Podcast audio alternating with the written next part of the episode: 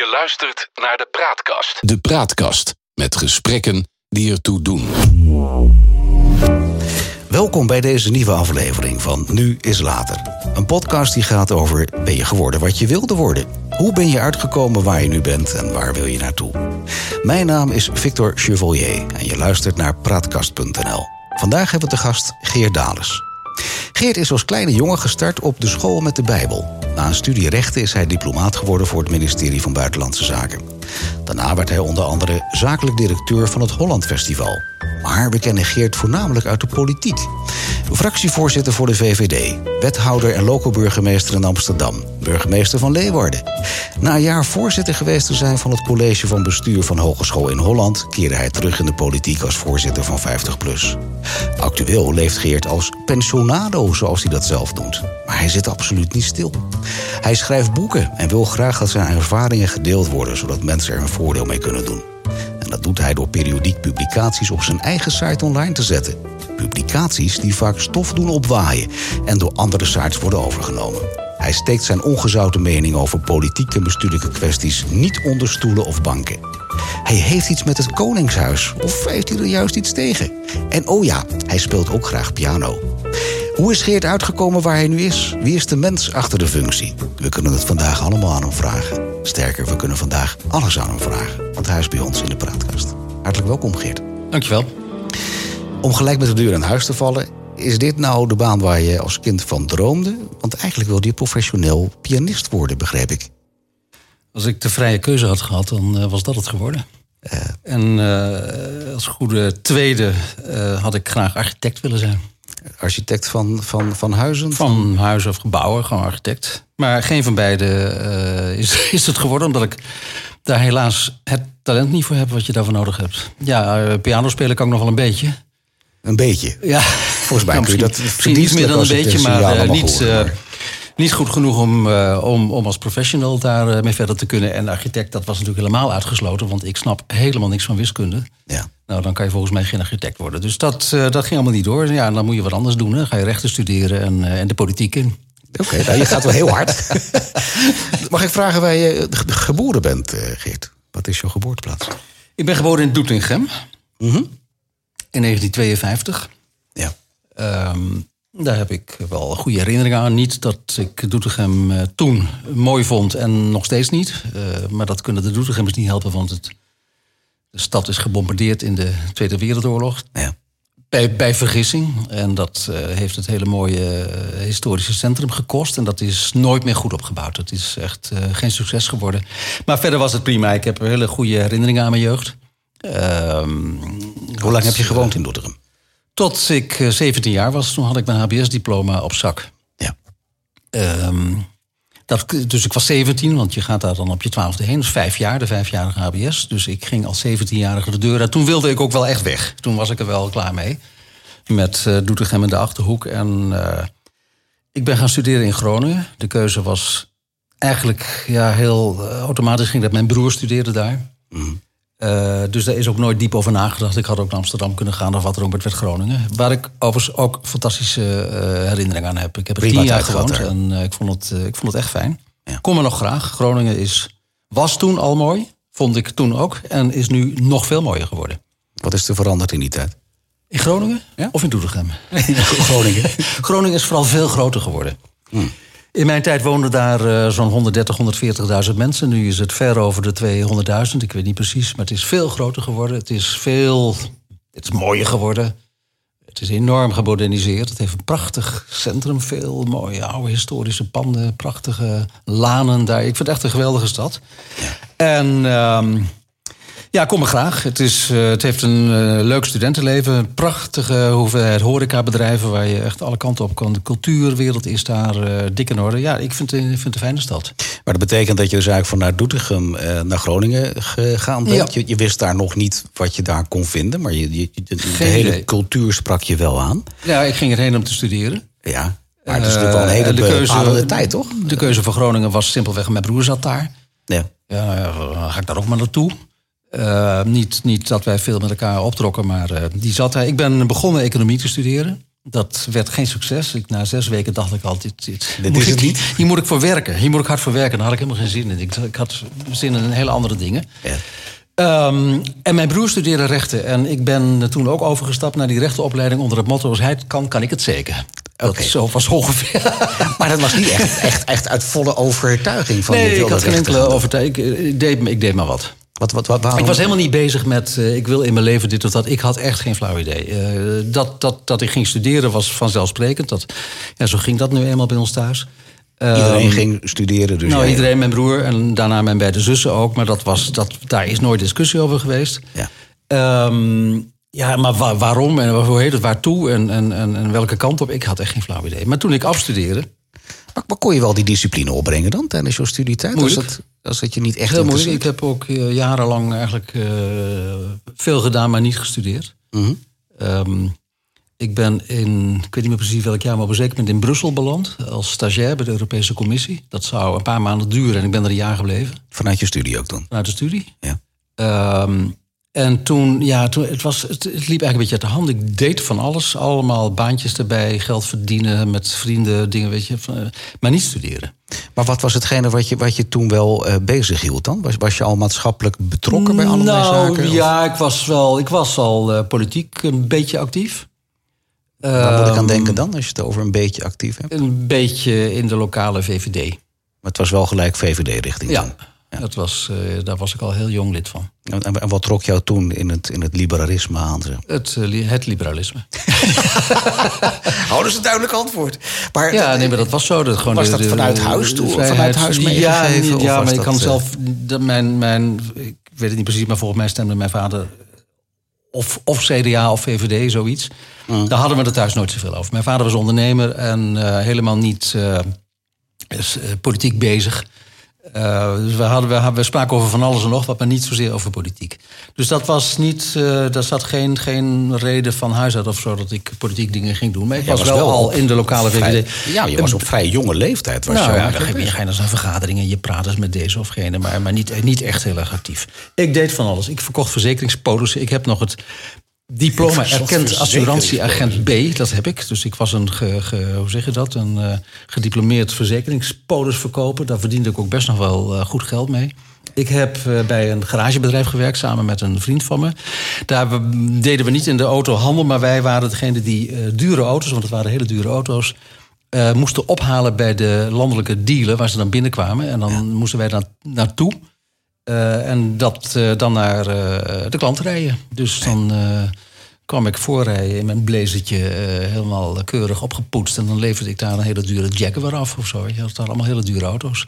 Maar en dat, was, gewoon een, dat was gewoon een studentenbaan. In Dat was een studentenbaan. Ja.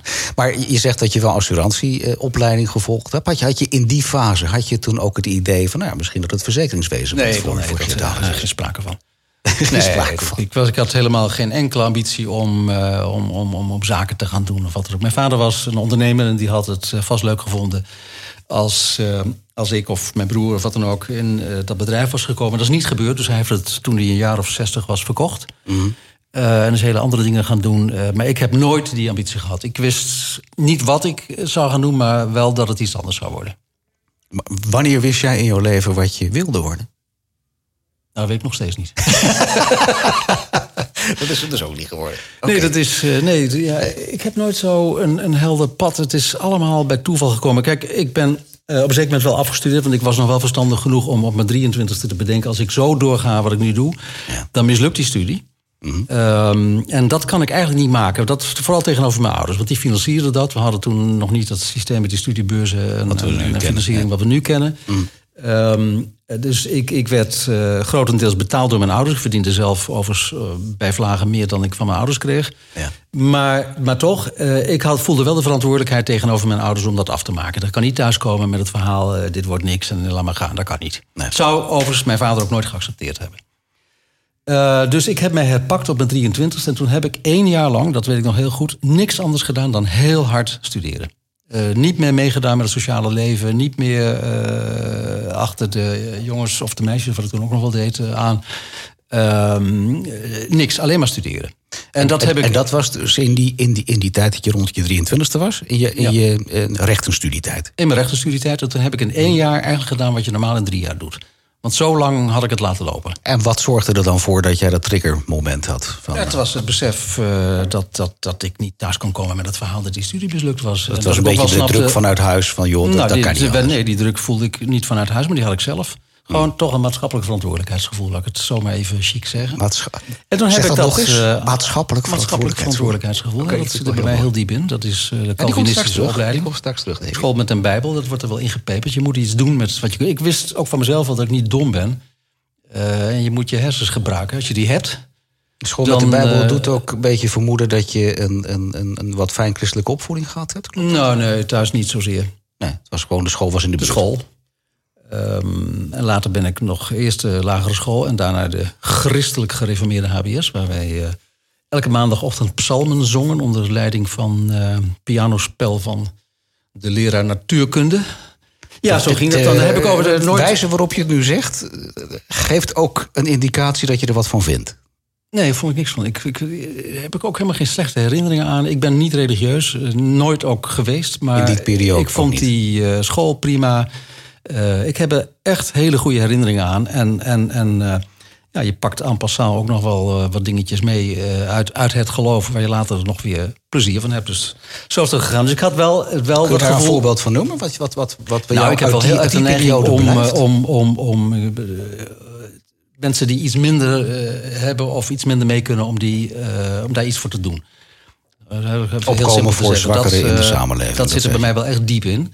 En dat als je bepaalde gaven hebt of bepaalde dingen hebt die anderen niet hebben, voordelen hebt, zoals ik de afkomst die ik heb, allemaal dingen kon doen die anderen niet konden, dat je daar dan ook wat mee moet doen. Hè? Dat je wel een maatschappelijke verantwoordelijkheid draagt. Dat is bij mij heel diep in. want Dat is natuurlijk zijn allemaal bijbelse eh, waarden Ja. die me allemaal uit zijn ge- uitgelegd zijn op de lagere school. Ik zal je een voorbeeld geven. Op die lagere school. Dat was in Doetinchem. Doetinchem had, een, had en heeft nog steeds een kleine binnenhaven. Dus daar kwamen binnenschippers langs. En daar zitten kinderen op die boot, want ze wonen op die boot. En die moeten naar school, want die hebben ook leerplicht. Ja. Ehm, en de school waar ik op zat was een school die dit soort kinderen eh, opnam. En dan kwam er weer een van de Jantje, Pietje of een Marietje of wat dan ook. Eh, en dan werd ons verteld door de leerkracht... eh, jongens en meisjes, luister even goed. Wij krijgen morgen, volgende week, eh, die en die in de klas. Eh, die woont op een boot. Dat waren we overigens wel gewend, want dat was elke keer zo. En dan werd ons voorgehouden dat het onze taak was om te zorgen... dat hij of zij zich daar thuis zou voelen. Dus dat je zorgt dat hij opgenomen wordt in de gemeente. Dat, is, dat zit bij mij zo diep in. ja. En dat doe je nog eigenlijk, hè? Ja, dat doe ik eigenlijk nog, ja. Ja. En eh, ja, dat, dat begint, dat leer je daar, dat heb je niet door, maar dat, dat pak je dan vanzelf mee en de rest van je leven gebruik je dat. Als, als je de Geert Dalers in jouw jonge jaren neemt, zou je een soort omschrijving kunnen maken? Was je populair op school? Eh, hoe ging dat? Nou, dat weet ik niet precies. Als ik naar de foto's kijk eh, van vroeger, wat ik onlangs toevallig nog eens gedaan heb, dan zie ik eh, mijzelf daar gewoon gezellig meedoen en, en, en, en rondlopen. En ik had vriendjes en vriendinnetjes. En, eh, dus ik was en ben wel een sociaal type. Mhm. Eh, ik was zeker niet het populairste jongetje van de klas of zo. Dat eh, allemaal niet. Maar ik deed wel gewoon lekker mee. Je kon prima meekomen. Er zijn, ik er eh, zijn kon geen... prima meekomen. Ik had eh, een gezellige kring van, van vrienden. Ja. Ook als, als klein jochie al. En dat is eigenlijk de rest van mijn leven altijd zo gebleven. Dus ja, mijn ouders waren ook hele sociale types. Er kwamen veel mensen over de vloer. Eh, dan dan, dan, dan eh, word je vanzelf ook een sociaal eh, iemand. Dus ik, ik mag graag onder de mensen zijn nog steeds. Ik kan heel slecht tegen alleen zijn. Dat is van mijn zwakke kanten. Dat is geen Als mijn, kant, als mijn echtgenoot dus een paar dagen weg is of zo... dan plan ik de hele agenda vol met afspraken. Dat vind je niet fijn. Nee, dat vind ik niet fijn. Ik kan slecht alleen zijn. Als jij die tijd terugdenkt, ik zie een piano staan. We zitten nu in Amsterdam. Ehm speelde je toen ook op piano? Ja, dat is begonnen, denk ik, toen ik een jaar of acht was of zo, acht, negen. Het begon als volgt. Eh, ik won in een loterij een kleine accordeon. Ja. Zo'n zo'n kinderaccordeon. Mhm. En eh, dat vond ik lollig, daar ben ik mee gaan prutsen. Ehm, ja, ik vond dat leuk. Ja. En toen vroegen mijn ouders op een dag, eh, wil je naar de muziekschool? Nou ja, prima. Dus ik ben naar de muziekschool in Doetinchem geweest. En daar heb ik accordeonles gehad. En later, ik weet niet hoe lang dat geduurd heeft... ben ik overgestapt op de piano. Zo is het gegaan. En, en had je toen de tijd een voorbeeld, een, een muziekgenre waar je in de jaren van, van hield? weet Of ik was ook dat daar niet? niet zoveel meer van. Ik heb eh, pianoles gehad, dus ik heb leren noten lezen. Daar heb je ook voor de rest van je leven plezier van. Mm. Ehm, allemaal klassieke dingetjes gaan doen, sonates en dat soort. Iedereen die klassieke muziek speelt, die gaat daar eh, door dat hele spektakel heen. Haydn en Mozart en Beethoven en wat dan ook. Dan klim je langzamerhand steeds verder op naar het wat moeilijkere werk. Ehm, en toen hield het op, eigenlijk toen ik ging studeren, want daar had ik geen piano. Ja. Dus het heeft ook jaren stilgelegen. En toen kwam er weer wel een piano. En toen weer heel lang niet. Dus ik heb ook hele lange perioden, soms wel tien jaar lang, geen piano aangeraakt. Oké. Tot ik. ehm, nou, waar was het? Ik denk in Hongarije, want daar heb ik ook nog een paar jaar gewoond. Daar had ik wel weer een piano. En daar had ik ook een hele goede pianodocent, een Hongaar. Mhm. Die overigens in Nederland op het conservatorium was opgeleid. Eh, dat, was ook de link, dat was ook de reden waarom ik hem mooi ontmoet had. Ja. En eh, toen begon ik er weer lol in te krijgen. En ik heb het eigenlijk pas weer serieus opgepakt. Nou, wat zal het geweest zijn? Een jaar of tien geleden of zo. Ehm, en, en ook weer echt serieus les van serieuze docenten. Het was een, eh, nog steeds klassiek. Ja. Eh, Want dat tot- spreek je het meest aan. Oké. Niet meer. Ik ben Oh. daarmee gestopt. Want ik liep tegen mijn grenzen aan van wat ik kan. Ja. En ik had een docent, zij was Armeens. Die wilde mij naar een hoger plan brengen. En zij dacht ook dat ik dat kon. En ik voelde aan alle kanten dat ik dat niet ging redden. Ondanks Zij dat was zij de voor mij- zweep eroverheen haalde bij jou. Dat, deed werkte ze niet. ook. Ze was Ja. ook helemaal niet aardig. Eh, ik heb maar één keer in, in, in, in, in, in toch best wel lange tijd dat ik les van haar heb gehad, een compliment gehad. Oké. Dus, Moskou, ze was in Moskou opgeleid en eh, dat ging er echt hard aan toe. Meteen de vingerzettingen. En als ik een verkeerde vinger gebruikte, dan kreeg ik weer op mijn donder. En had ik een ingewikkeld stuk, naar mijn idee, best wel goed gespeeld. En dan viel zij stil en dan ging ze vertellen hoe het beter moest. Oh ja. ja. Nou, dat ja. motiveerde natuurlijk helemaal niet. Dus ik dacht, ja, ik, ik heb ook tegen haar gezegd... jij bent een fantastische docent, maar niet voor mij. Nee. En eh, ik kan best wel wat, maar ik ben niet een goede leerling voor jou. Eigenlijk, dit matcht niet goed. Dus ik ben eh, vertrokken. Wat ben je een gaan beetje gefrustreerd. En toen heb ik me laten omscholen naar het eh, populaire, beetje jazzy eh, repertoire. Ik kon heel goed noten lezen, kan ik nog steeds wel goed. Eh, Je kan mij een hele ingewikkelde partituur voorzetten en dat, eh, dat zie ik meteen. Maar ehm, wat ik niet kon, is improviseren. Kan ik nog steeds eigenlijk niet goed. Eh, en ik wist helemaal niets van, dat is bij akkoord- van die jazz akkoord- wel van die van akkoordsymbolen belang die in dat de jazz dat is. ik, inmiddels snap ik dat allemaal wel, maar ik wist daar niets van. Hmm. Ik deed alles vanaf noten, zeg noten lezen. En dat heb ik allemaal nu geleerd. Met een, eh, Maar dan ben je op latere leeftijd weer gaan doen dan. Ja, toen was ik... ah, dit is nu een jaar of wat het was, zes, zeven geleden dat ik dat ben gaan doen. Ja. dat- en dat toen bleek ik tot, aan, tot mijn verbazing, wist ik ook niet...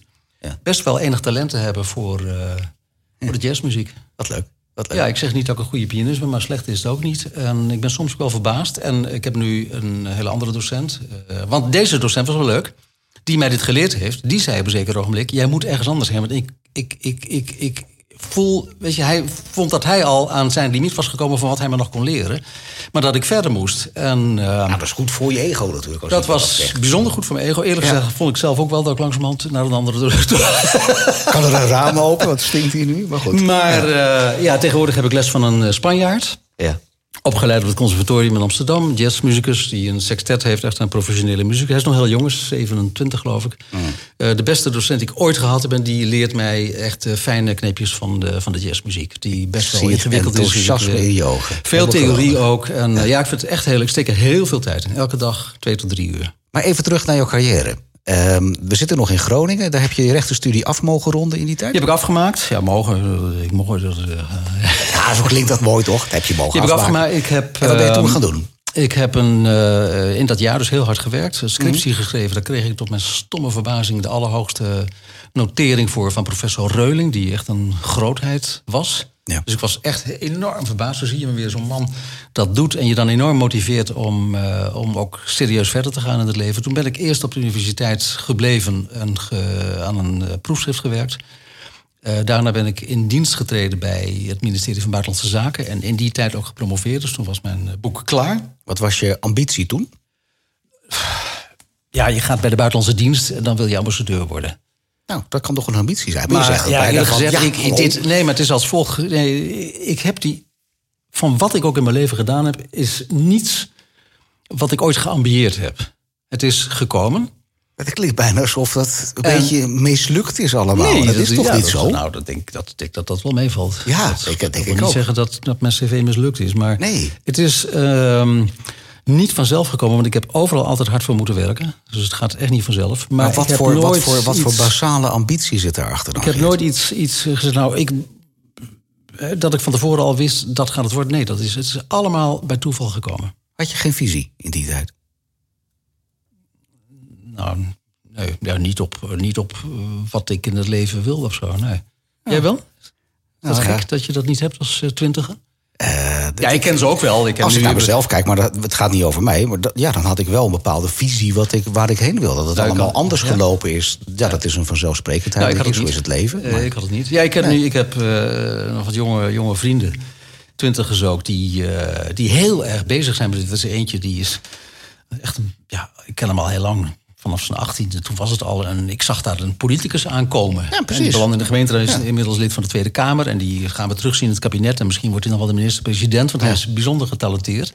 En die heeft ook echt dat voor ogen, dat hij dat wil. En, en als een vis in het water, ik had dat helemaal niet. En was er ook niemand in jouw omgeving die jou erop wees van... Geert, jij bent daar en daar goed en je moet daar eens... Ja, de- bijvoorbeeld professor Reuling. Die zei, eh, je hebt een eh, fantastische doctoraalscriptie geschreven. Je moet gaan promoveren. Ja.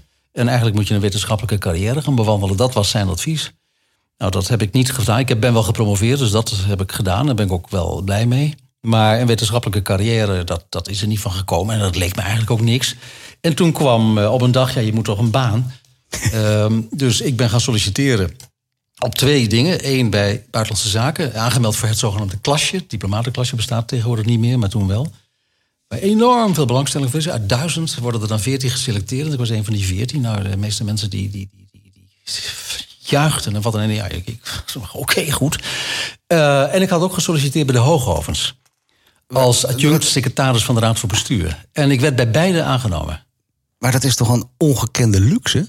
Ja, dat was ook zo. Ik, ik kon beide Ja, maar je zegt net, kiezen. je eh, wuift het bijna weg van... ja, dat is een vanzelfsprekendheid, Nou, Victor. ik was Natuurlijk niet zo opgewonden. Ja, ik, ik was blij dat ik een baan had. Maar ik wilde vooral eerst nog even op wereldreis. En daarom moest ik een baan hebben. Dan had je die ambitie Die de mogelijkheid gaf om niet meteen te beginnen, maar pas later. Dat kon bij Buitenlandse Zaken. Bij de Hoogovens moest ik meteen aantreden. En toen dacht ik, nou, ik ben... Ja, hoe oud was ik toen?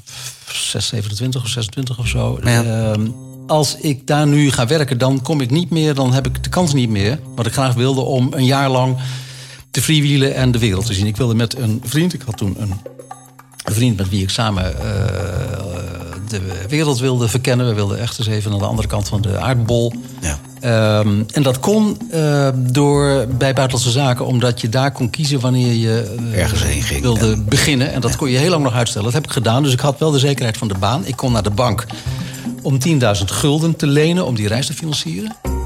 Ehm, en dat is dus ook gebeurd. Met die vriend zijn we vertrokken. Atlatjes, misschien zeg je dat nog wat. Het is een reisorganisatie. Tickets, is een reisbureau, heel Ja. goedkoop. We hebben tickets de hele wereld rond geweest. Echt ontzettend veel gezien. Dat was een uitermate leerzaam iets. Daar heb ik ook, ben nog steeds blij dat ik dat gedaan heb. Veel van geleerd. En, ehm, ja, en toen, eh, toen dat klaar was, die reis... toen ben ik gaan werken bij Buitenlandse Zaken. Alsof het een vanzelfsprekendheid is, Geert. We gaan er zo meteen over verder praten graag, in deel 2. Dankjewel voor het eerste gedeelte.